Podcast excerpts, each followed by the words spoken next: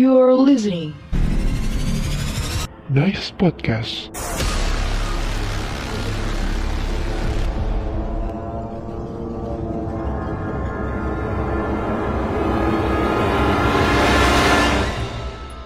Selamat malam, Nicers. Di sini Baby. Kembali lagi bersama Nice Podcast. Episode kali ini kita sudah dapat kiriman cerita dari salah satu Nicers yang pernah mengalami kejadian mistis. Awalnya kejadian ini waktu SD, tepatnya waktu kelulusan.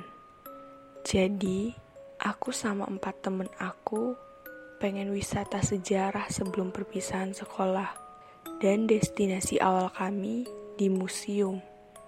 Sebut aja Museum A. Awalnya, kami mau hepan aja di sana. Sekalian lihat dan belajar benda-benda sejarah lokal. Karena memang masih bocah dan jahil, jadi mungkin tindakan kami mengganggu sesuatu di sana. Kayak mau masuk museum pada umumnya, kita harus daftar dan nulis buku tamu dulu. Nah, di sanalah salah satu teman aku namanya Karin notice sesuatu. Tapi pas aku tanya kenapa, dia jawab gak apa-apa. Ya udah, kami berlima lanjut lagi masuk dan mulai lihat-lihat koleksi museum. Nah, di sinilah gangguan-gangguan awal mulai muncul. Jadi, ada salah satu koleksi museum yang menurut aku aneh. Yang aneh di sini bukan bentuknya, tapi lebih dari kehawa dari benda itu. Itu juga bukan benda yang terlihat penting. Bendanya itu miniatur rumah khas adat yang terbuat dari bahan alam. Yang paling aneh, aku inget waktu itu, di sisi dindingnya rumah miniatur itu ada tulisan besar yang diukir kasar. Jangan sentuh. Biasanya kalau ada tulisan gitu, bukan ditulis di benda itu langsung. Biasanya ditempel di kertas. Dan hawa dari miniatur rumah adat itu juga bikin merinding. Padahal itu cuma miniatur mainan biasa.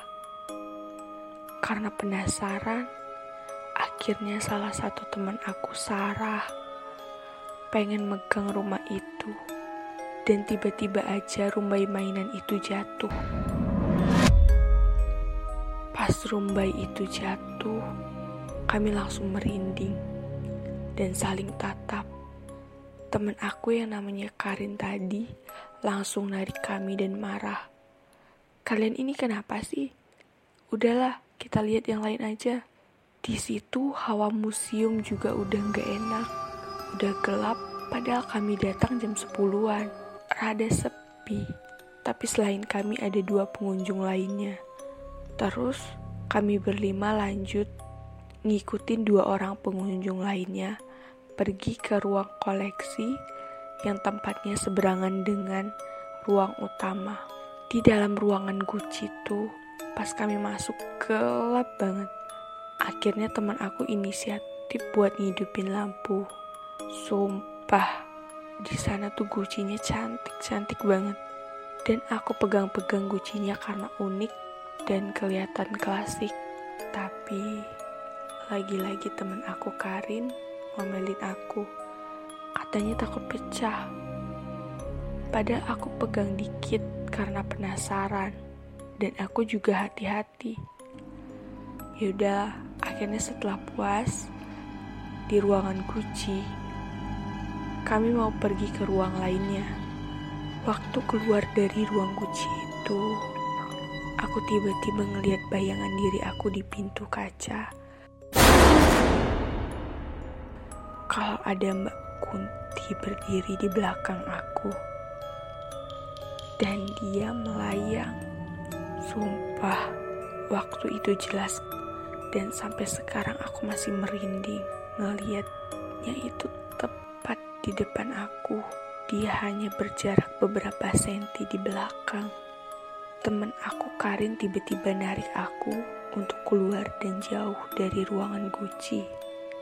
Terus aku cuma diem aja ditarik temen aku. Gak ada yang berani untuk ngomong. Dan juga kondisinya waktu itu aku ngerasa cuma aku yang ngeliat.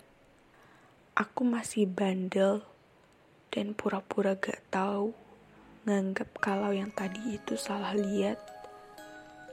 Mungkin aku aja yang paranoid sendiri. Pas di ruangan bawah, mau lihat koleksi yang lain, lagi-lagi temen aku Karin genggam lengan aku. Kayak takut. Tapi dia tuh masih diam aja. Dan masih ketawa-tawa bareng teman-teman yang lain. Di ruang bawah itu sepi juga, sepi banget, dan gak ada siapa pun selain kami, bocil-bocil SD ini. Pas lagi sepi-sepinya, ada kucing jatuh di pintu trali ujung ruangan. Kaget banget kami ngeliat kucing hitam jatuh gak tahu dari mana. Kami juga langsung diam. Di situ Karin tambah pucat dan takut. Tapi bodohnya kami gak notice kalau dia ini takut apa. Jadinya kami keliling dan akhirnya mau balik karena udah puas ngeliat museum. Pas mau balik, ini kan naik tuh. Karin ngomong, entah karena dia udah gak tahan lagi sama ketakutannya. Dia ngomong, cepatlah kita keluar dari sini. Karena dari tadi ada yang gantung ngikutin kita. Bayangkan dia ngomong gitu dan kita masih di lokasi yang sama bikin takut dan merinding. Akhirnya kami balik naik angkot dan di angkot tuh ngeluh kalau aku tiba-tiba mual dan gak enak badan. Karin suruh aku muntah dan minum sambil baca bismillah dan ayat kursi. Terus di angkot barulah dia ngomong. Kalau sedari awal kami tuh memang udah diawasi sama sesuatu di sana mulai dari mata patung yang selalu nengok dan ngikutin kami, sampai Mbak Kunti yang nempel di belakang aku. Karena aku pegang-pegang guci di sana, ada yang terus ngikutin kami di ruang bawah. Karin juga ngomong kalau bau darah haid aku juga salah satu penyebabnya. Jadi itulah sesuatu di sana ngerasa asing apalagi aku juga dengan bandelnya pegang-pegang Gucci di sana.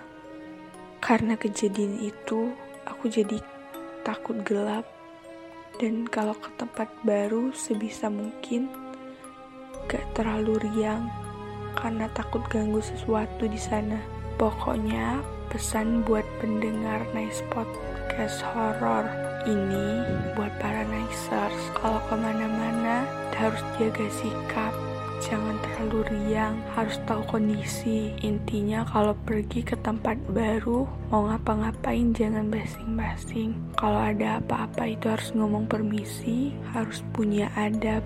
Itulah tadi cerita mistis dari salah satu teman kita, Nicers, yang pernah mengalami kejadian mistis di sebuah museum.